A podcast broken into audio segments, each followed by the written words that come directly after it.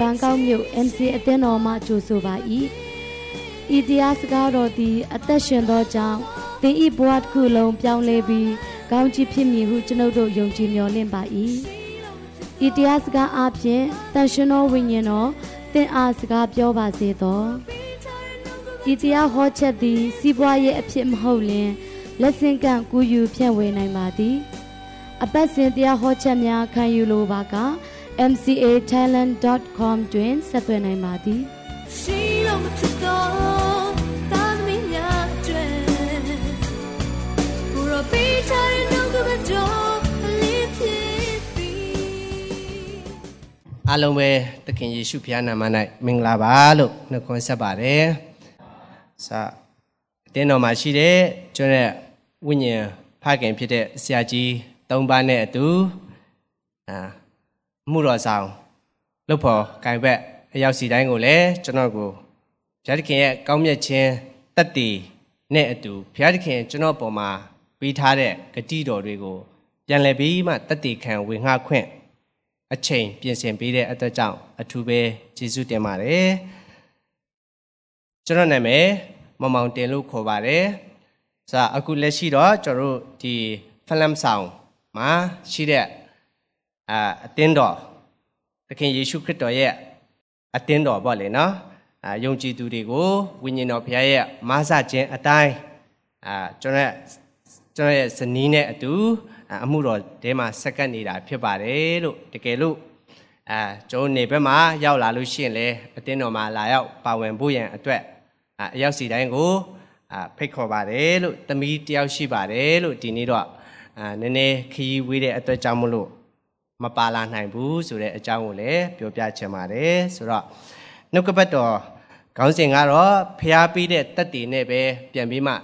တက်တည်ပြပါဆိုတဲ့နှုတ်ကပတ်တော်ပြင်ဆင်လာတာဖြစ်တယ်နှုတ်ကပတ်တော်မသွားခင်မှာတက်တည်အနှင်းငယ်ခံမှာဖြစ်တယ်ပြီးတဲ့အခါမှာ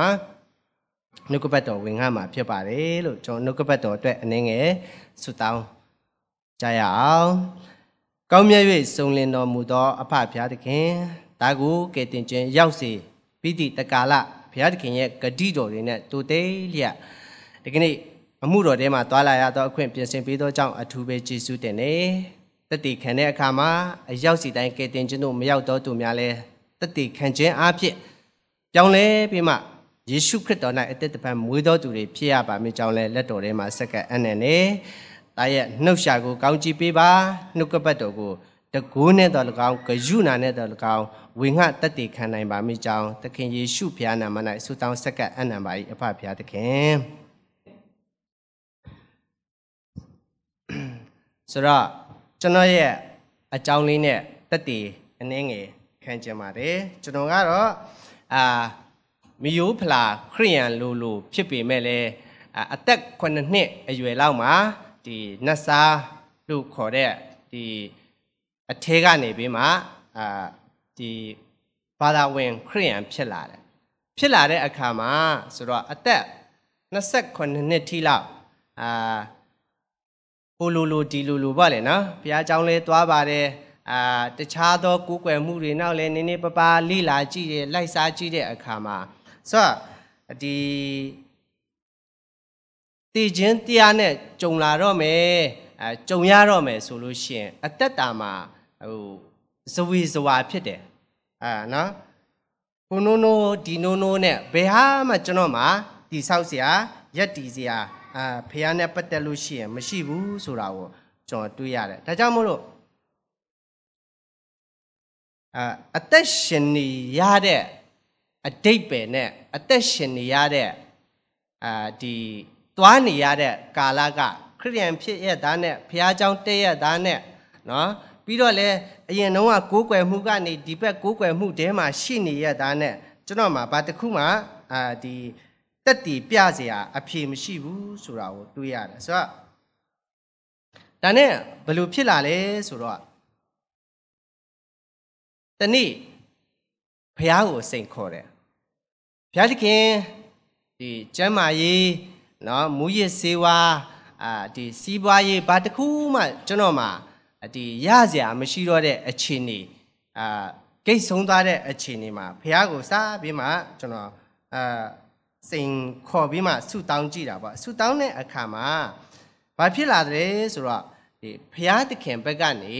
တက်တီပေးလာတယ်ဆိုတော့အဲ့ဒီတက်တီနဲ့အတူဘုရားကိုထပ်ပြီးမှမီးစမ်းနေရှာဖွေတယ်ရှာဖွေရင်းရှာဖွေရင်းနဲ့အာဒီကဲတင်ချင်းရဖို့ရန် အကြောင်းနီလန်တစ်ခုကိုဘုရားသခင်ကပြင်ဆင်ပေးတယ်ပြင်ဆင်ပေးတာနဲ့ဘယ်လိုဖြစ်လာလဲဆိုတော့ဒီဂလာတိအခန်းကြီး၄အငယ်6မှာဟမ်ကျွန်တော်တို့အတူတကွဖတ်လို့လည်းရတယ်ဆိုတော့အားလုံးလည်းဒီတမန်ကျမ်းစာကကျွန်တော်တို့အဲတည်ပြီးသားလည်းဖြစ်တယ်လေနော်စ လာတိအခန်းကြီး၄အငယ်6မှာနော်ထို့သောတင်တို့သည်တားဖြစ်သောကြောင့်အဘာအဘဟုခေါ်တတ်သောတားတော်ဤဝိညာဉ်တော်ကိုတင်တို့စိတ်နှလုံးထဲသို့ဘုရားသခင်စေလွတ်တော်မူ၏ဆိုတဲ့နှုတ်ကပတ်တော်လေးကိုကျွန်တော်စားပြီးမှတွေ့လဲတွေ့လာတယ်တွေ့လာပြီးတဲ့နောက်ပိုင်းမှာလဲဒီအာဧဝံဂေလိတမန်တရားကိုကောင်းကောင်းကျွန်တော်လေ့လဲလေ့လာသလို အာအများကြီးလဲနားထောင်တယ်။ဩနားထောင်တဲ့အခါမှာကျွန်တော်စားပြီးမှဒီခရိယန်တယောက်ဖြစ်လာတဲ့အချိန်ကနေဒီအရာကကျွန်တော်ရဲ့အတ္တတာထဲမှာမရှိပါလားဆိုပြီးမှကောင်းကောင်းစဉ်းစားတဲ့အခါမှာနောက်ပိုင်းမှာအဒီဩဒီဟာကငါအတွက်မရှိဘူးပဲလို့ကျွန်တော်ကောင်းကောင်းသိသွားတဲ့အချိန်မှာအဲ့ဒီအချိန်မှာဖះကိုစားပြီးမှခေါ်ဖိတ်လက်ခံခြင်းအမှုကို ပြူတာဖြစ်တယ်ပြူတဲ့အခါမှာဘာတွေထူးခြားလာလဲဆိုတာကျွန်တော်ကောင်းကောင်းသိလာတဲ့အရာကဒီခရိယန်ဖြစ်ပေတော့ညာလည်းပဲကျွန်တော်ရဲ့ဝိညာဉ်ထာဝရကာလနဲ့ပတ်သက်လာလို့ရှိရင်ဘယ်လိုရှိသလဲဆိုတော့ဒီတိမ်လွတ်နေတယ်လို့ပဲနော်ရေမပါတဲ့တိမ်လေလွတ်နေတယ်လို့ပဲဟိုကျွန်တော်တို့ဒီခေါင်းမှာထဲတဲ့မို့လေးတွေတွေ့တယ်နော်လွင့် ဟိုပြန်ဒီပြန်ဟိုတမန်ကျမ်းစာတစ်ခုခုကိုကြားတယ်ကိုးကွယ်မှုတစ်ခုခုနဲ့ဆက်ဆိုင်တဲ့အရာတစ်ခုခုကိုကျွန်တော်ကြားတယ်ကြားလာပြီဆိုလို့ရှိရင်ဇဝေဇဝါဖြစ်တယ်ဒီနှုတ်ကပတ်တော်ကိုစားပြီးကြားလာတဲ့အခါမှာဩကျွန်တော်ရဲ့တဘာဝမောင်မောင်တင်ဆိုတဲ့ဝိညာဉ်ထဲမှာကောင်းကင်နဲ့မြေကြီးကိုဖန်ဆင်းတဲ့ဖရာနော်နေလစัจ java လာနော်ဖန်ဆင်းတဲ့ဖရာလက်ဝါးကားတိုင်မှာအသေးခံပေးတဲ့ဖရာက ကျွန်တော်အထဲကိုရောက်လာဖို့ရန်လိုတယ်ရောက်လာပြီးတဲ့အခါမှာကျွန်တော်ရဲ့ဝိညာဉ်ဒီတမလွန်ဘွားအတွက်လုံးဝစိတ်ချမှုရသွားတယ်ဆိုတော့တီမေပြောရင်လည်းစိတ်ဝင်စားတော့ဘူးခရစ်တော်ကျွန်တော်ရဲ့အထဲမှာရှိပြီဆိုတဲ့တက်တီကိုရလာတဲ့အခါမှာဖြစ်တယ်ဒါကြောင့်မို့လို့ဆိုတော့အဲ့ဒီနေရာနေစပြီးမှကျွန်တော်ရဲ့အသက်တာကတဖြည်းဖြည်းတဖြည်းဖြည်းတိုးတက်လာတယ် တမန်တရားတွေကိုနားထောင်လာတယ်နားလေလာတယ်အသက်တာထဲမှာဒီမူရဲ့စေဝါတွေကတော့၎င်းဒီညဉ့်ညူးတဲ့စကားတွေကိုဟာတလုပ်ပြီးပြောဆိုခြင်းတဲကနေတော့၎င်းကျွဲ့အသက်တာကတဖြည်းဖြည်းစင်ကြယ်ခြင်းတို့ရောက်လာတယ်ဆိုတာကိုအာတွေ့ရတယ်ဒါကြောင့်မို့လို့ဂလာတိအခန်းကြီး3အငယ်73မှာဆိုတော့ဖတ်စရာမလိုတော့ပါဘူးလေနော်အားလုံးကျွန်တော်သိပြီးကားတိုင်ကတဲ့ကားတိုင်သခင်ယေရှုခရစ်တော်ဖျား အတိခံပေးတဲ့ကားတိုင်တရားကတဲ့ကျွန်တော်တို့ရဲ့ကံကြွေးနာဝစ်ကြွေးနာအားလုံးကိုအာခြေဖြတ်ပေးတယ်တဲ့ဆိုတော့အာကျွန်တော်တို့ရဲ့ပတ်ဝန်းကျင်အတိုင်းဝိုင်းမှာခရိယန်ဖြစ်ကြတယ်ကျွန်တော်တို့မိသားစုမှအစဘာကြံတယ်လဲဆိုတော့ဘာသာဝင်ခရိယန်ပဲဖြစ်တဲ့အတွက်ကြောင့်မို့လို့အဲ့ဒီကြင်ချင်းအမင်္ဂလာတွေလုံးဝမလွတ်ဘူးဆိုတာကိုကျွန်တော်တွေ့လာရတယ်။အော်ဘလို့ဖြစ်တာလဲ။ဆိုတော့ အာအာရန်ကနေအဆက်ဆက်ပါလာတဲ့ကြင်ချင်းအမင်္ဂလာတော်၎င်းဒီကြားထဲမှာအဘိုးဘေးဘီပင်တွေကနေလှုပ်ခဲ့တဲ့ကြင်ချင်းအမင်္ဂလာတွေကျွန်တော်တို့မှာမခရိယန်ဖြစ်နေပါရဲ့လက်နဲ့အဲ့ဒီຢာတွေကကျွန်တော်မိသားစုမှာရှိနေတယ်ဆိုတော့အကြောင်းအရာတစ်ခုကိုပြောပြမယ်ဆိုလို့ရှိရင်ကျွန်တော်အဖေမှာညီကိုမောင်မှ73ယောက်ရှိတယ်နော်အဲမဆန်းပါဘူးတိုင်းရင်းသားတွေဖြစ်တဲ့အတွက်ကြောင့်ညီကိုမောင်မှ73ယောက်ရှိတယ် အဲ့ဒီ73ယောက်မှာကျွန်တော်အဖေကအကြီးဆုံးဖြစ်တယ်ဆိုတော့အာကျွန်တော်တို့ကြားလာရတဲ့စကားအရဆိုရင်ကျွန်တော်ရဲ့အဘိုးကတဲ့ပစ္စည်းတစ်ခုကိုခိုးပြီးမှ तू မခိုးဘူးဆိုပြီးမှတစ္ဆာရေးတောက်ပြီးမှအဲ့ဒီတစ္ဆာကသူ့ရဲ့သားဦးမြေဦးတွေမှာအဲကျိန်စာတင့်ပါစေတစ္ဆာစူးပါစေဆိုပြီးမှအဲ့ဒီလိုမျိုးတောက်ခဲ့တာသူကတောက်ခဲ့တဲ့အခါကျတော့ဘာဖြစ်လာတယ်လဲဆိုတော့ သူတော့မဖြစ်ဘူးဒါပေမဲ့ကျွန်တော်တို့ရဲ့အဖေဖြစ်လာအဲ့ဒီအဖေကကျွန်တော်ရဲ့အဖေဆိုလို့ရှိရင်အသက်30လောက်မှာနော်ငယ်ငယ်ရွယ်ရွယ်နဲ့အလုတ်ကောင်းကောင်းနော်အာလောက်ရမယ့်အချိန်မျိုးမှာဘာမှမဆိုင်တဲ့ဒီတစ်ပင်လေးခုတ်ရင်းနဲ့သူခုတ်တဲ့တစ်ပင်ကသူ့ကိုပြန်ပြိပြီးမှတည်တယ်တနည်းအားဖြင့်ပြောမယ်ဆိုအစိမ့်တည်တည်တယ်ဆိုတော့အဲ့ဒီပုံစံတွေကြီးပဲကျွန်တော်တို့မိသားစု အဘိုးကနေမွေးခဲ့တဲ့73ယောက်လုံးမှာဆိုတော့အဖေဆုံးသားပြီဆိုတော့ကြံတဲ့လူတွေတော့တာဦးမဟုတ်ပေမဲ့လေကြံတဲ့12ယောက်ကမွေးတဲ့တာဦးတိုင်းသမီးဦးတိုင်းအဆင်မပြေဘူးတချို့ဝယ်ယူဖြစ်တယ်9နှစ်10နှစ်9နှစ်10နှစ်မှာဘာမှမစီမဆိုင်တဲ့တထွာလောက်ရှိတဲ့ရေလေးမှာနစ်တည်တယ်ဆိုတော့အဲ့ဒီပြဿနာကိုကျွန်တော်တို့ကြုံရတယ်ဆိုတော့ တမန်တရားကိုကျွန်တော်ကောင်းကောင်းသိလာတဲ့အခါမှာဩဒီအရာကငါတို့မိသားစုတွေမလွတ်ပါလားဆိုတော့ကျွန်တော်တို့မိသားစုအဖေနဲ့အမေရဲ့သားသမီးတွေမှာဆိုတော့တက်ဝင်ဖះကိုယုံကြည်ကိုးကွယ်တဲ့ညီကိုနှစ်ယောက်ရှိတယ်ဆိုတော့ကျွန်တော်တို့နှစ်ယောက်ကနေမွေးလာတဲ့သားသမီးတွေကြတော့အဲ့ဒီကြင်ကျင်အမင်္ဂလာကိုလွတ်တယ်အာမင်ကျွန်တော်သမီးရန်ချောတယ်အခု ကျွန်တော်အကိုရဲ့သမီးနော်ကျွန်တော်တို့မျိုးမှာမရဘူးတဲ့ပညာအရေးချင်းကောင်းကြီးမင်္ဂလာကျွန်တော်တို့မှာရှိတယ်အာမင်ဒါကြောင့်ကားတိုင်းတရားကအဲ့ဒီကြင်ချင်းမင်အမင်္ဂလာကန့်ကျွေးနာဝတ်ကျွေးနာအားလုံးကိုဖြည့်ပြတ်ပေးတယ်အာမင်အရန်ကောင်းမြတ်တဲ့ဘုရားဖြစ်တယ်နော်ဆိုတော့ကျွန်တော်တို့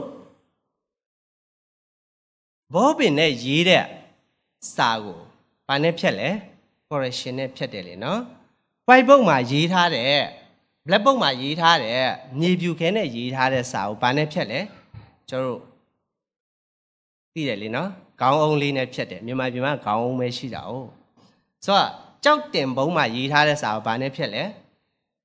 ဒီလိုလုပ်ပြီးမှစတွေးလေးနဲ့ကျွန်တော်ဖြတ်ကြရနော်ငယ်ဘွားတတိရတယ်နော်ဟုတ်တယ်ကျွန်တော်တို့ဘိုးစဉ်ပေါင်ဆက် အဲ့ဒီကြင်ချင်းအမင်္ဂလာတွေကျွန်တော်တို့ပေါ်မှာရေးခဲ့တဲ့အရာ ဖြစ်စေမဲ့အရာအာဒါနဲ့အေဝါကနေပါလာတဲ့အရာတွေအားလုံးက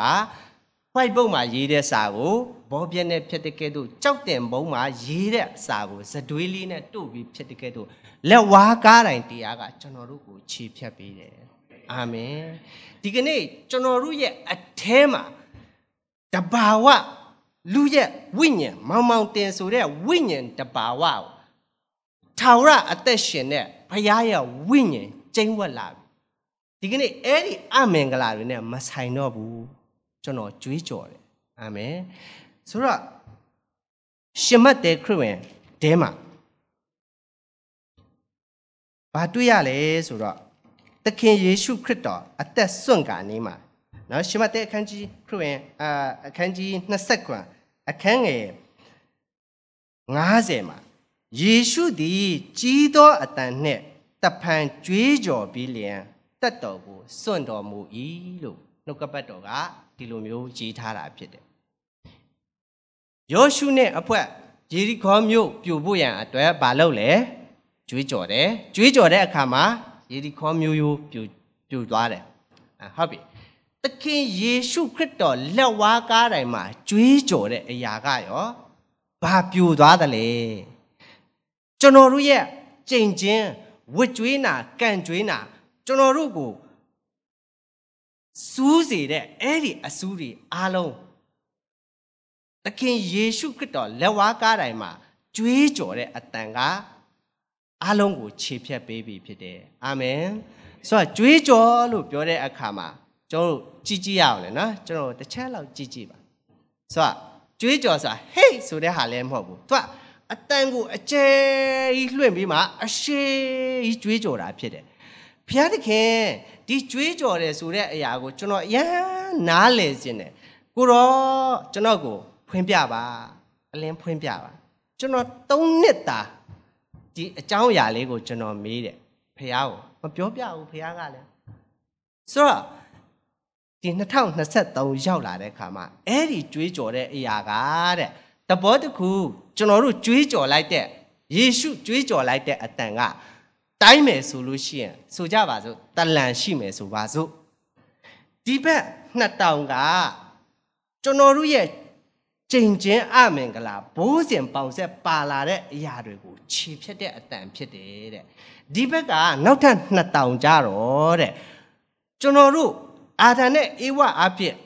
ဘုရားသခင်ကနေပေးထားတဲ့အမွေတွေအားလုံးကိုမင်းတို့ပြန်ရတယ်ဆိုတဲ့အရာကိုပုံဆောင်တယ်လို့နှုတ်ကပတ်တော်ကကျွန်တော်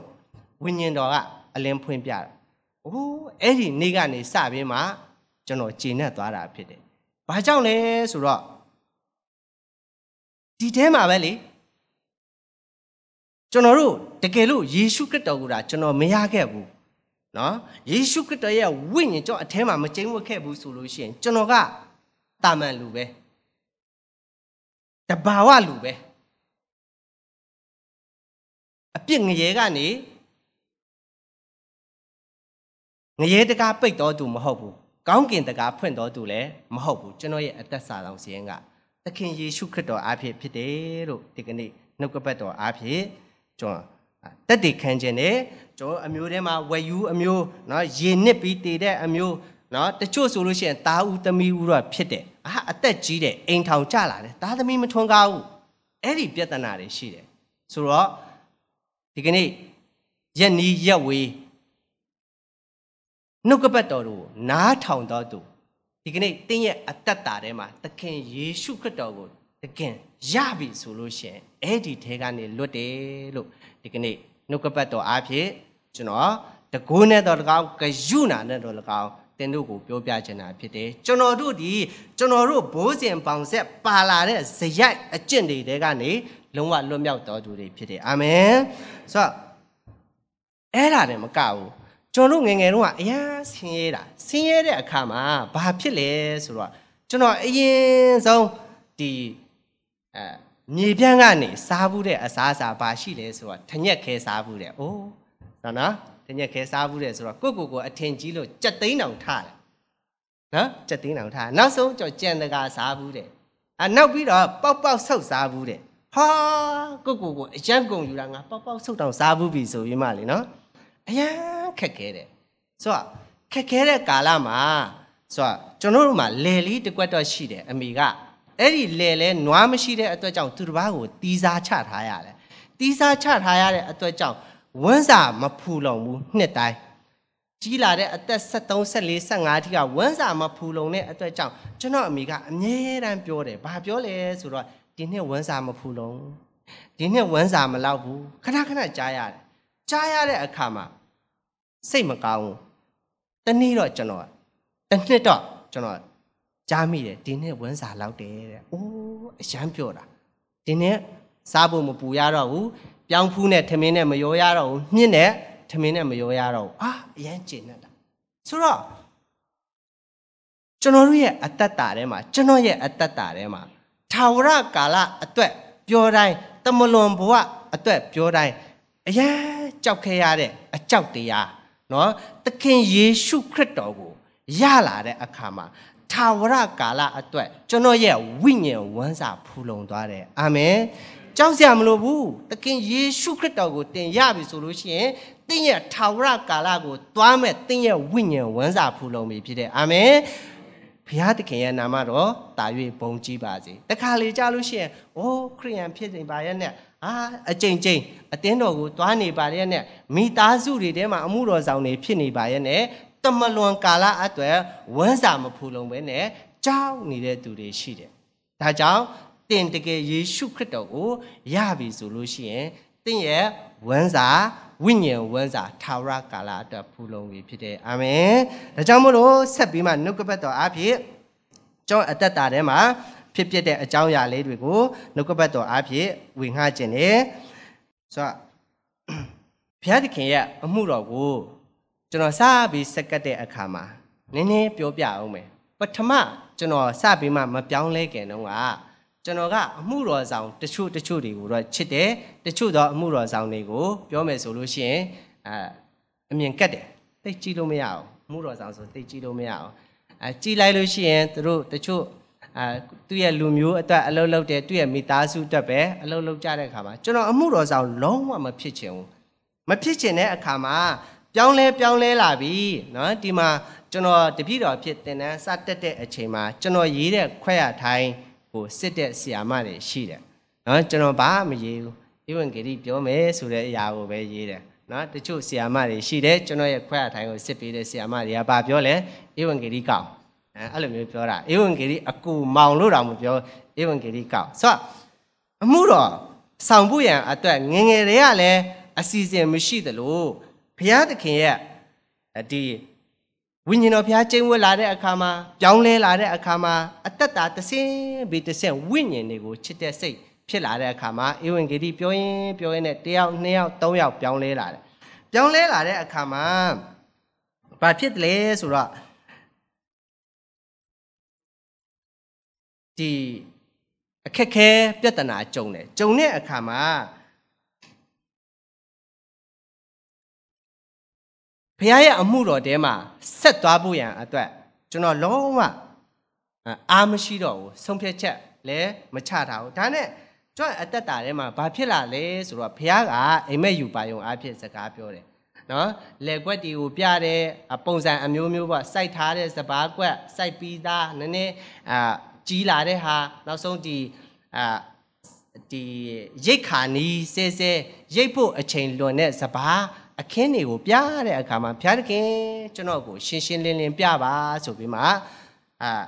နားလေစီပါဆိုပြီးမှဆုတောင်းတယ်ဆုတောင်းတဲ့အခါမှာအဲအဲ့ဒီအိမ်မက်အကြိမ်ကြိမ်မက်ပြီးတဲ့နောက်ပိုင်းမှာကျွန်တော်ဒီကျွန်တော်နေတဲ့ရက်ွက်ရဲ့လမ်းထိပ်တစ်ခုကိုကျွန်တော်သွားပြီးမှလဲတယ်လဲတဲ့အခါမှာတရက်ပင်တပင်ကိုမြင်တယ်အဲ့ဒီတရက်ပင်တပင်ကဟာထူးဆန်းလိုက်တာနော်လို့ဆိုတော့အသွားမှာလဲဩအဲ့လောက်ပဲကြည်တယ်အပြန်ကြတော့လဲအဲ့ဒီတရက်ပင်ကိုပဲ အရင်ကြည်ကျင်ပြီးမှကြီးနေတဲ့အခါမှာအဲ့ဒီတရက်ပင်ကအရွက်နှုလေးတွေလည်းရှိတယ်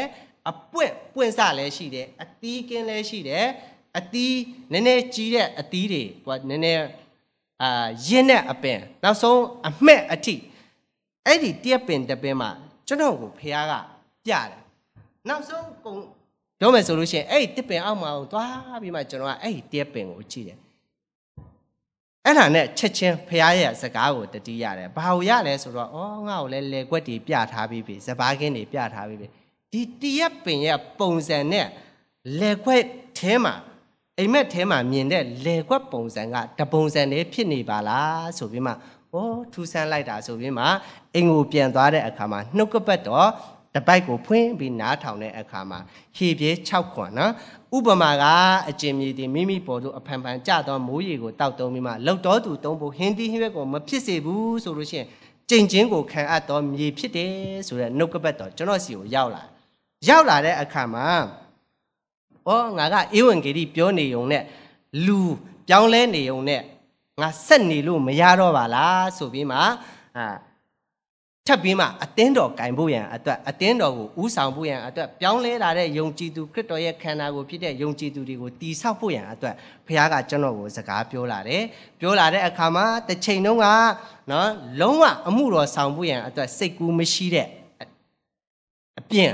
နော်အမှုတော်ဆောင်တွေကိုပါကြည်လို့မရတဲ့အထဲကနေလုံးလုံးအမှုတော်ဆောင်တယောက်ကျွန်တော်ဖြစ်လာတယ်ဒါလည်းဘုရားသခင်ဘက်ကပေးတဲ့တက်တည်ကြောင့်ဖြစ်တယ်လို့ နော်နှုတ်ကပတ်တော်လေးအနည်းငယ်ဖတ်ချင်တယ်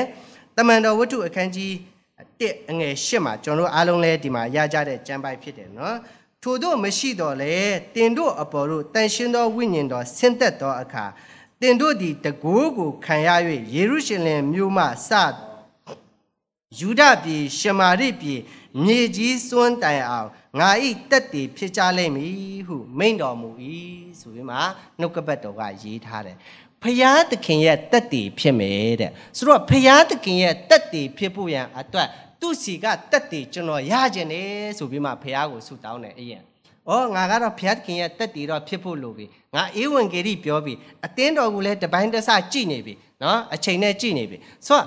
သူ့စီကတက်တည်မှမလာလို့ရှိရင်ငါဘလို့ဆက်ပြီးမှအတင်းတော်ကိုကြည့်မလဲ။ငါရဲ့မိသားစုကိုငါဘလို့ပြုစုမလဲ။နော် ငါမွေးလာတဲ့ဒီအေးဝင်ဂေရီအဖြစ်ပြောင်းလဲလာတဲ့လူတွေကိုဘလို့ပြုစုမလဲဆိုတော့အဲဒီနှုတ်ကပတ်တော်ကိုဘုရားသခင်စီမှာတောင်းတယ်တောင်းတဲ့အခါမှာအဲနားလေစေဖို့ရန်အတွက်အတင်းတော်ကိုသွားဖို့ရန်အတွက်တောင်းတဲ့အခါမှာဘာတွေ့ရလဲဆိုတော့ယောဟန်အခန်းကြီး20အငယ်29မှာဆိုတော့ဘာတွေ့ရလဲဆိုတော့တောမအကြောင်းထိုအခါအာယောဟန်အခန်းကြီး20 အခန်းငယ်29မှာထိုအခါတောမအားတင်ဤလက်ညှိုးကိုဆမ်း၍ငါလက်ကိုကြည့်လော့တင်ဤလက်ကိုဆမ်း၍ငါနဘေးကိုဆမ်းတတ်လော့ယုံမှားခြင်းမရှိနဲ့ယုံလောဟုမိတ်တော်မူ၏ဆိုတဲ့နှုတ်ကပတ်တော်ကိုထပ်ပြီးမှရလာတာဖြစ်တယ်ဆိုတော့ဘာလို့ဖြစ်လာစေသလဲဆိုတော့ဘုရားသခင်ကသူ့ရဲ့တက်တည်ဖြစ်ဖို့ရန်အတွက်ကျွန်တော်ကိုအလိုရှိတယ် မှန်ပြီသို့တော်ညာလည်းပဲကျွန်တော်အတင်းတော်မှာယုံကြည်သူတွေကိုပြုစုတဲ့အခါမှာကျွန်တော်မှာဘာမှမရှိဘူးเนาะပညာရည်ချင်းလည်းမရှိဘူးအတွေ့အကြုံလည်းမရှိဘူးဒီနှုတ်ကပတ်တော်လေးနည်းနည်းပပသိတာလောက်ပဲရှိတယ်ဆိုတာကိုကျွန်တော်ကောင်းကောင်းသိတဲ့အခါမှာဘုရားသခင်အတင်းတော်လုပ်ရမလားအတင်းတော်ကိုဆက်ကြည့်ရမလားဒါမှမဟုတ်လို့ရှိရင်လည်းအလုပ်ပဲဆက်လုပ်ရမလားဆိုတဲ့နှုတ်ကပတ်တော်ကိုကောင်းကောင်းမေးတဲ့အခါမှာတောမခက်တို့ ဘုရားသခင်ရဲ့တို့ထိခြင်းလက်တွေ့ကြတဲ့တက်တေကိုဘုရားကိုပေးပါလို့ကျွန်တော်ဆုတောင်းတဲ့အခါမှာဘာဖြစ်လာလဲဆိုတော့အဲတနင်းကနွေနေ့မှာကျွန်တော်တို့ဘုရားရှိခိုးတဲ့အခါမှာနော်ကျွန်တော်တို့နေတဲ့တန်းရမှာပတ်ဝန်းကျင်မှာရှိတဲ့အကုန်လုံးကိုရဲလာတကားခောက်ခောက်ပြီးဖမ်းသွားတယ်ဖမ်းသွားပြီးမှကျွန်တော်တို့ကချီမုန်းကိုးကွယ်ခြင်းအကြီးကျယ်လုပ်နေတာပန်ကာလည်းမရှိဘူးချွေးနဲ့နော်ကိုးကွယ်နေတဲ့အခါမှာ ရဲကကျွန်တော်တို့ရဲ့အခန်းကိုအတန်လည်းမကြားသလိုမြင်လည်းမမြင်ဘူးဆိုတော့ကျွန်တော်တို့ဘုရားရှိခိုးပြီးပြန်ထွက်သွားတဲ့အခါမှာလူတွေကမေးကြတယ်နင်တို့ရဲနောက်ပါသွားပြီလို့ထင်တာမပါကြဘူးလားအထောက်ထားမရှိတဲ့လူတွေလည်းအများကြီးဒါနဲ့ဩဟုတ်ပြီဘုရားသခင်ကတောမကဘုရားကိုမေးတကယ်တော့ငါမေးထားတာပဲအခုငါရဲ့အခန်းကိုဘုရားသခင်တကိုးတော်နဲ့ ထုတ်ထားခဲ့ပြီအုပ်ထားခဲ့ပြီဖုံးထားခဲ့ပြီဆိုပြီးမှအသက်တာထဲမှာတေကြတဲ့တက်တေကိုဘုရားကကျွန်တော်ကိုပေးတယ်အဲ့ဒီတေကြတဲ့တက်တေကိုပေးတဲ့အခါမှာထက်၍ထက်၍လှုပ်ဆောင်နိုင်ဖို့ရန်အကြောင်းဖြစ်လာတာဖြစ်တယ်ဒါကြောင့်ချစ်တော်ညီကိုမောင်နှမတို့ကျွန်တော်တို့အတင်းတော်မှာဆက်ကပ်တဲ့အခါမှာနော်အများကြီးပဲလူတစ်ညီကိုမောင်နှမလေးတွေတွေ့ရတယ်ချင်းမုန်းကိုးကွယ်ခြင်းဥဆောင်တယ် ကျွန်တော်မိတ္တာကျွန်တော်အတင်းတော်မှာရှိတဲ့ညီကိုမောင်နှမလေးတွေကိုပြောပြတယ်မင်းတို့တော့ငါလှုပ်လို့ငါခိုင်းလို့ဆရာလှုပ်လို့ဆရာခိုင်းလို့မင်းတို့ချင်းမုန်းကိုးကွယ်ခြင်းနဲ့မှဥဆောင်တာလုံးဝမဖြစ်ပါစေနဲ့ဘုရားသခင်ရဲ့ပေးတဲ့တက်တွေကိုတော်မကဲ့သို့တိတိကျကျရပြီးမှအမှုတော်ထဲမှာသွားပါကျွန်တော်အနောက်ကနေဆရာအနောက်ကနေလိုက်ပြီးမှမပို့နိုင်ဘူးမတွန်းနိုင်ဘူးမနှိုးစော်နိုင်ဘူးဆိုရင်မင်းတို့လုပ်နေတဲ့အရာက မင်းတို့ရဲ့ဇာတိတဲကထွက်လာတဲ့အရာပဲဖြစ်လိမ့်မယ်ဆိုကျင်တာပဲဖြစ်လိမ့်မယ်ရှေ့မှာထွက်ကျင်တာပဲမင်းတို့ဖြစ်လိမ့်မယ်ဒါကြောင့်မို့လို့ဘုရားခင်ရဲ့အမှုတော်ကိုစက္ကတ်တော့မယ်အစေခံတော့မယ်ထမင်းဟင်းချက်တာစစသည်ဖြင့်အဆုံးပေါ့လောက်တော့မယ်ဆိုလို့ရှိရင်ဘုရားသခင်စီကတောမခက်တို့တိကျတေချာတဲ့တက်တွေကိုတောင်းပြီးမှပဲအမှုတော်ထဲမှာသွားလို့ရှိရင်ကျွန်တော်ရဲ့အတ္တတာကဲ့သို့လွယ်ကူတော့ဘုရားရဲ့အမှုတော်ထဲမှာ ပေါ့ပါသောအတ္တတာကိုတင်တို့ရမှာဖြစ်တယ်လို့နှုတ်ကပတ်တော်ထဲမှာအာတွေ့ရတာဖြစ်တယ်ဒါနဲ့အဲဒီတရားသူကြီးမှတ်စာထဲမှာဘု து အကြောင်းတွေ့ရလဲဆိုတော့ဂိတောင်အကြောင်းတွေ့ရတယ်နော်ဂိတောင်ကအခန်းကြီး6ငွေ39မှာဆိုတော့မဖတ်တော့ဘူးလေနော်အချိန်ဟိုကြည့်တော့အဖြစ်တိုးမွေးဘာလုပ်လဲ ဘာဘာလုပ်ခိုင်းလဲတိုးမွေးကိုစုခိုင်းတာလား၆ခိုင်းတာလားတိုးမွေးကိုစုခိုင်းတယ်တဲ့ပြီးတော့မြေကြီးကို၆ခိုင်းတယ်ကြည့်လေဣတိယလလူမျိုးတွေကိုကယ်ဖို့အတွက်ဖြစ်တယ်တဲ့နော်ကောင်းကင်တမန်လည်းသူ့ဘေးနားမှာလာစကားပြောပြီးပြီလားပြောပြီးပြီကောင်းကင်တမန်နှစ်ပါးကလာစကားပြောတယ်အဲလောက်ရမယ်တဲ့ကိုရောတဲ့ကျွန်တော်ကားတဲ့ မျိုးရိုးထဲမှာလည်းအငယ်ဆုံးပြီးတော့အဲ့ဒီမိသားစုထဲမှာလည်းအယုတ်ဆုံးဒီလိုမျိုးပြောတယ်ဂီတောင်ကကောင်းကင်တမန်ကလည်းသူ့ကိုတက်တီလာထင်ရှားပြီးပြီဒါတည်းမကသေးဘူး तू ကထပ်ပြီးမှဖះကိုဈေးလျှော့ဈေးတင်လို့အလျှော့အတင်းလောက်တယ်တိကျတေကြတဲ့တက်တွေနဲ့သူအလုံးလုံးသွားတယ်ဆိုတာကိုတွေ့ရတယ်ကျွန်တော်အသက်တာထဲမှာတိကျတေကြတဲ့တက်တွေနဲ့အမှုတော်ထဲမှာ သွားဖို့လိုတယ်အဲ့ဒါမှမဟုတ်ဘူးဆိုလို့ရှိရင်အသက်တာကခဏလေးနဲ့ကျုံညောင်းသွားမယ်စိတ်ပြတ်သွားမယ်နော်မိငိမ့်သွားမှာဖြစ်တယ်ဒါကြောင့်မို့လို့နော်ကျွန်တော်အသက်တာထဲမှာလည်းထိုတက်တီကိုတောင်းပြီးမှဆက်သွားနေတာဖြစ်တယ်အင်မတန်မှပျော်ဖို့ကောင်းတယ်နော်ဘုရားသခင်ရဲ့အမှုတော်ထဲမှာသွားရတဲ့အခါမှာဒါကိုတွေးရတယ်နော်တက်တီတစ်ခုကျွန်တော်ပြောပြမယ် ကျွန်တော်ကအဲဒီအိမ်ငှားပြီးတဲ့တတိကျွန်တော်ရဲ့အဲကလေးเจ้าနေဘူးမှအစကျွန်တော်ရဲ့ဇနီးတဲ့ဝတ်ပါမဲမှအစကျွန်တော်တို့အိမ်ငှားတဲ့တတိကအကုန်လုံးတန်ဝင်ယူပေးတယ်တန်ဝင်ယူပေးတဲ့အခါမှာသူ့မှာကဒီအဲဆောက်လုပ်ရေးကုမ္ပဏီတွေရှိတယ်ဆောက်လုပ်ရေးကုမ္ပဏီရှိတဲ့အခါမှာကျွန်တော်ကိုသူကဖုံးဆက်တယ်မင်းအားလားအားလို့ရှိရင်ငါအလုတ်သမားအရန်လို့လို့တရက်လောက်အလုတ်လာကူပေးပါလားဆိုပြီးမှကျွန်တော်ပြောတယ် ပြောတဲ့အခါမှာအေးဟုတ်ပြီငါဗုဒ္ဓနေ့တရက်အားတယ်လိုက်မယ်ဆိုပြီးမှဒီကန်းချီဘက်ကိုသူ့ရဲ့အဲဆောက်လုပ်ဆောက်လုပ်ရေးရှိတဲ့ကန်းချီဘက်ကိုကျွန်တော်နဲ့အတူတူသွားကြတယ်ကျွန်တော်နဲ့ကျွန်တော်ကအနောက်ခန်းမှာထိုင်တယ်သူကအရှိမကားမောင်းတယ်ကားမောင်းတဲ့အခါမှာဘာဖြစ်လဲဆိုတော့ကျွန်တော်ကားပေါ်မှာဆိုတိတ်အိတ်လေးအိတ်ထမရှိဘူးအိတ်လေးအိတ်ထမရှိတော့အာဒီထိုင်းစကားနဲ့ကျွန်တော်အတန်ကြားတယ်အိတ်ပျော်သွားပြီးမှအဲဒီဖြည်းဖြည်းနော် ဖြည်းဖြည်းနော်ဆိုပြီးအဲ့ဒီအတန်ကိုကြားတယ်ဟာတထီးကလည်းစကားမပြောဘူးဘာလဲဆိုပြီးမှအဲ့ဒီအတန်ကိုတထီးကလည်းကြားတယ်ကြားတော့ तू ကလည်းအနောက်ကိုလှည့်ကြည့်ပြီးမှဘာမှဆက်မပြောဘူးကားကိုဆက်မောင်းသွားတယ်အာနှစ်တိုင်ပေါ့ဒီမင်းနဲ့ပြောမယ်ဆိုလို့ရှိရင်မင်းအဲဒီ300 400လောက်ရောက်တဲ့အခါမှာအဲကားကဒီနှစ်လန်းသွားကိုဆိုတော့နှစ်လန်းသွားဆိုတော့ ကားကဘယ်ဘက်ကိုမီးပြပေးမှညာဘက်ကို꿰တာညာဘက်ကို꿰တော့အဲကျွန်တော်တို့ကညာလန်းကနေတက်ဖို့ရန်အတွက်ဖြစ်တယ်လေသူကဘယ်မီးကိုပြထားပြီးပြီဆိုတော့အနောက်မှာလည်းပစ္စည်းတွေတင်လာတယ်ဒီကနေဒီအာဖះเจ้าရှိအဝါလောက်ထိလောက်ကားကလုံးဝကိုစီရတိုင်းထိမ့်မနိုင်ပဲနဲ့ဒီလိုမျိုးဒီရွတ်တိုက်ကြီးဒီလိုမျိုးသွားတာဆိုတော့ ဝိတ်လဲပါတဲ့အတွက်ကြောင့်မို့ तू က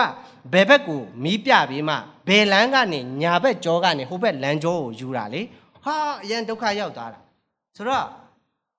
အဲ့ဒီမတိုင်ခင်တုန်းကတထေးက80 90လောက်မောင်းတယ်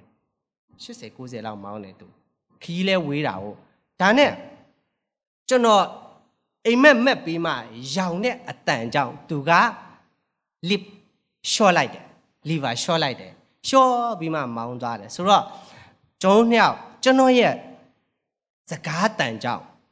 သူကျုံးနှစ်ယောက်ဘာမှမဖြစ်ဘူးဒါနဲ့ तू ကစိုက်ထဲလဲရောက်လဲရောက်တဲ့အခါကျတော့သူ့အလုတ်သမားတွေကိုခေါ်ပြီးမှမင်းယုံကန်းကိုလာခဲ့အောင်တဲ့အဲ तू လည်းခရစ်ယာန်ပဲ तू လည်းခရစ်ယာန်ပဲကားပေါ်မှာမင်းကขับ ခွက်ခွက်ขับချာချာဆိုတဲ့အတန်ကိုတဲ့ငါ့ကိုပြောတယ်အဲမင်းပါဇက်ထဲကနေထွက်တာကိုငါကြားတယ်တဲ့ကျွန်တော်ကအိမ်မက်ကနေရောင်းတာဒါနဲ့ဘာဖြစ်လို့ငါ့ကိုမပြောတာလဲတဲ့အခုကြည်တဲ့မင်းကိုဖျားသခင်ကစကားပြောတယ်ဆိုတာကိုငါကောင်းကောင်းသိတယ်တဲ့အာမင်တကယ်ဆိုရင်သူကတထေးဖြစ်တယ်ကျွန်တော်တို့ကအိမ်ငှားအလုပ်သမားဖြစ်တယ်ကျွန်တော်တို့ရဲ့နှုတ်ရှာကနေသူ့ကို အသက်အန္တရာယ်မဖြစ်အောင် ပြောစီမဲ့စကားကိုကျွန်တော်ကဟောအိမ်မက်ပဲဆိုပြီးမှမပြောဘဲထားတဲ့အတွက်ကြောင့်မို့လို့သူကကျွန်တော်ကိုပြန်ပြီးမှဆူတယ်တခါတလေကြားလို့ရှိရင်ကျွန်တော်တို့ရဲ့အတ္တတာတွေကနေကျွန်တော်တို့ရဲ့တထေးတွေကိုကျွန်တော်တို့ရဲ့နှုတ်ရှာကနေအသက်အန္တရာယ်ကိုကင်းစေမဲ့လွတ်မြောက်စေမဲ့စကားတွေကိုလည်းဘုရားသခင်ကထားထားတယ်ဒါလည်းကျွန်တော်ရဲ့ဘဝရဲ့ အမှုတော်ထဲမှာသွားတဲ့အခါမှာတက်တည်ဖြစ်တယ်အဲ့ဒီတက်တည်နဲ့အခုဆိုလို့ရှိရင်လေကျွန်တော်ကိုအခန်းချဲ့ပေးတာကျွန်တော်၃နှစ်လောက်စောင့်လိုက်ရတယ်အခုဆိုရင်ကျွန်တော်တို့အတင်းတော်နော်လူပေါင်း90အေးအေးဆေးဆေးဆက်နေအရှိမလဲထမင်းစားကန်းခုံခုနှလုံးရှစ်လုံးလောက်ကောင်းကောင်းခင်လို့ရတယ်အိမ်သားနှလုံးပါတယ်ဟာလေလုယာဆိုတော့အဲ့ဒီတက်တည်တွေနဲ့ကျွန်တော်ကိုဘုရားသခင်ကကောင်းချီးပေးတယ် တခါလေကြလို့ရှိရင်ဘုရားသခင်ရဲ့တက်တွေကကျွန်တော်တို့ကိုကောင်းချီးမင်္ဂလာနောက်ကိုလိုက်စေတယ်တခါလေကြလို့ရှိရင်ဘုရားသခင်ရဲ့ကောင်းမြတ်ခြင်းတက်တွေကအင်မတန်မှကြီးတယ်ဘာနဲ့နှိုင်းကျင်လဲဆိုတော့သမီးကြီးစားနှစ်ယောက်တားကြိုက်နေတာရှိတယ်လေနော်သူတို့ကကြိုက်နေပါတယ်ဆိုမှမိဘကလည်းသူတို့ကိုအသင်းပေးစားတာနဲ့တူတယ်ကျွန်တော်တို့ဖေဟာကအာမင်လိုအပ်နေတဲ့အချိန်မှာနော်လိုအပ်နေပြီကျွန်တော်ဘက်ကလည်း အင်မတန်လိုအပ်နေတဲ့အချိန်မှာတထေးကိုအသုံးပြုပြီးမှဖျားသခင်ကအကောင်းဆုံးပြင်ဆင်ပေးတယ်နော်အပေါ်မှာအခန်း၃ခန်းပါတယ်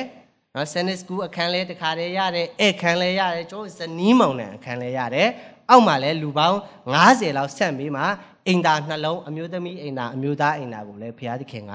ပြင်ဆင်ပေးတယ်ဆိုတာကိုတွေ့ရတယ်ဒါကြောင့်မလို့နောက်ထပ်ကျမ်းပိုက်တစ်ပိုက်အနေနဲ့ နောက်ဆုံးပေါ့လေနော်ဆာလံကျမ်းအခန်းကြီး36အခန်းငယ်9ကျွန်တော်ဒါလေးတော့အတူတကွဖတ်ရအောင်တွေ့လို့ရှိရင်ကျွန်တော်တို့အတူတကွဖတ်ရအောင်တင်းနှစ်တုံးအကြောင်းမူကားကိုရောထံမှ အသက်ဆန်းရည်တွင် ရှိပါ၏အလင်းတော်ထဲမှာ ကျွန်ုပ်တို့သည် အလင်းကိုရကြပါ၏ကျေးဇူးပြုပြီးမှကျွန်တော်နောက်ကနေလိုက်ဆိုရအောင် အလင်းတော်ထဲမှာကျွန်ုပ်တို့သည်အလင်းကိုရကြပါ၏အာမင်ကောင်းကင်နဲ့မြေကြီးကိုဖန်ဆင်းတဲ့ဘုရားသခင်ရဲ့ဝိညာဉ်ကြောအထဲမှာကျင်းဝတ်ပြီးတစ်ချိန်လုံးကမာနထိုးဖောက်ထားတဲ့မျက်လုံးကွယ်ထားတဲ့အရာတွေကျွန်တော်လင်းပြီလားလင်းပြီကဲတင်ချင်းရတဲ့အခါမှာလင်းပြီဒါတည်းမကသေးဘူးအဲ့ဒီအလင်းတဲမှာကိုကဘုရားသခင်ရဲ့ ဒီထာဝရကာလမှာအမွေရဖို့ရန်အတွက်ကိုကျွန်တော်တို့ကိုအလင်းပေးပြီးမှမဆနေတဲ့ဘုရားဖြစ်တဲ့အာမင်ကျွန်တော်အသက်တာထဲမှာအဲ့ဒီကောင်းကြီးမင်္ဂလာတွေဒီကနေ့ခံစားနေရတာဖြစ်တယ်နောက်ပြီးတစ်ချက်ကအပေါ်ပိုင်းမှာအကြောင်းမူကားကိုရော့ထံမှာအသက်ဆန်းရည်တွင် ရှိပါ၏တဲ့ကျွန်တော်တို့ကိုဝိညာဉ်တော်ဖျားကျင့်ဝတ်ပြီးမှထိုဝိညာဉ်တော်ဖျားကအထဲကနေ နှုတ်ကပတ်တော်တွေကိုအမြဲ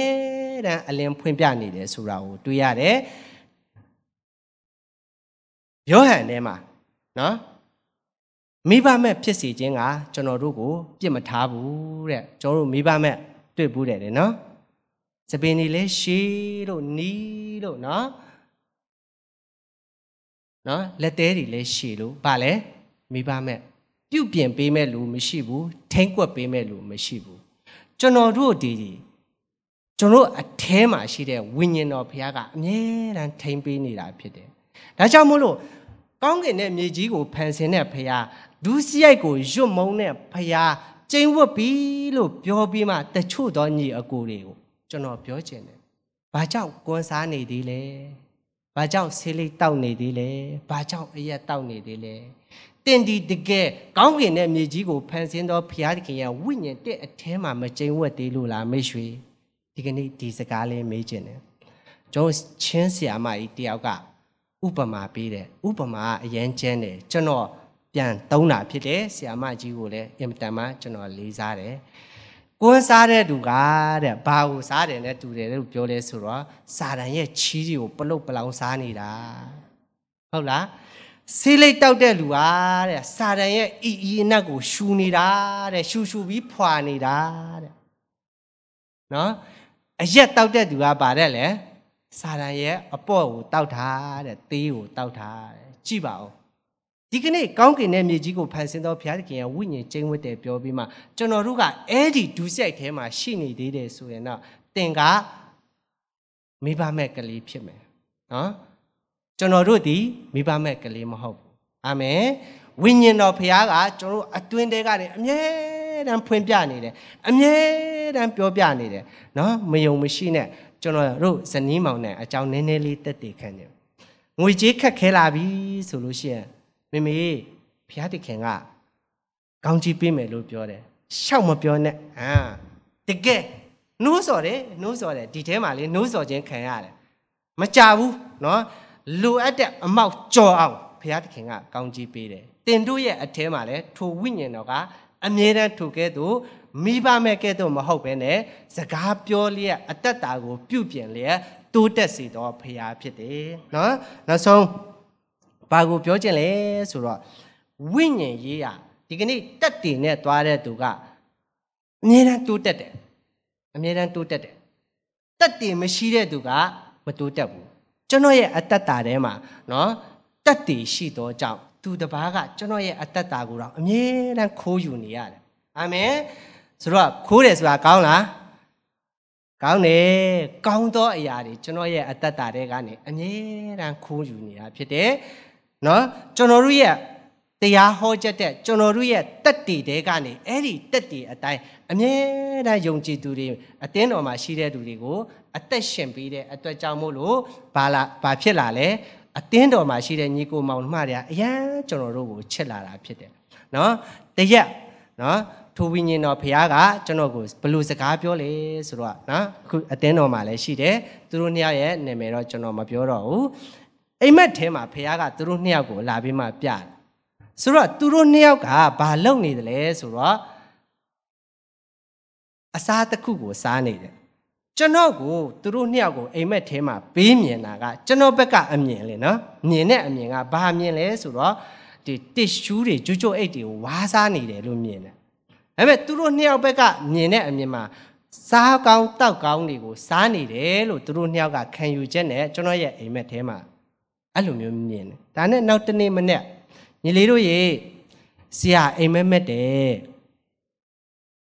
မင်းတို့နှစ်ယောက်ဆရာရဲ့အိမ်မက်ထဲမှာ ကြွကြွအိတ်တွေစားနေတယ်လို့ဆရာမက်တယ်တစ်ရှူးတများစွန့်ပစ်ထားတဲ့တစ်ရှူးတွေကိုကောက်ကောက်ပြီးဝါးစားတယ်လို့မြင်တယ်အဲ့ဒါဘာဖြစ်တာလဲလို့သူတို့ကမေးတဲ့အခါမှာညီငယ်လေးတယောက်ကဘာပြောလာတယ်ဆရာတဲ့အဲ့ဒီဆရာအိမ်မက်မက်နေတဲ့အချိန်ကျွန်တော်တို့နှစ်ယောက်ဘီယာတောက်နေတဲ့အချိန်ဖြစ်တယ်တဲ့ကြည်စမ်းကျွန်တော်တို့ယုံကြည်သူတွေနော်အတင်းတော်ရဲ့အတင်းအုပ်ဆရာကိုတော့မှဝိညာဉ်တော်ဘုရားကစကားပြောပြီးမှ ပြုပြင်ခိုင်းတဲ့ဘုရားဖြစ်တယ်အတွင်းထဲကနေလည်းပြောတယ်အတင်းတော်မှာရှိတဲ့အမှုတော်ဆောင်တွေနဲ့လည်းကျွန်တော်ယုံကြည်သူညီကိုမောင်နှအရောက်စီတိုင်းကို စကားပြောတော်ဘုရားဖြစ်တယ်ဒါကြောင့်မို့လို့ကျွန်တော်အတ္တတာထဲမှာတက်တည်မရှိဘူးဆိုလို့ရှိရင်တင်ခုနာကစာတန်ရဲ့မစင်စာတန်ရဲ့လေလေတဲ့အရာစာတန်ရဲ့စွန့်ပစ်ပစ္စည်းတွေကိုတင်စားနေမှာဖြစ်တယ် တက်တည်နဲ့အမှုတော်ထဲမှာတွားရအောင်တက်တည်နဲ့ချီးမွမ်းကိုးကွယ်ခြင်းဥဆောင်ရအောင်တက်တည်နဲ့နောက်ဖေးမှာထမင်းဟင်းချဲရအောင်တက်တည်ဖျားပေးတဲ့တက်တည်နဲ့ဆက်ပြီးမှကျွန်တော်တို့ကအသက်ရှင်ဖို့ရန်အတွက်နှုတ်ကပတ်တော်အားဖြင့်ဝင်ငှခြင်းနဲ့နှုတ်ကပတ်တော်ဒီဝိညာဉ်ရေးရာအတွက်ကောင်းချီးမင်္ဂလာဖြစ်ပါစေ။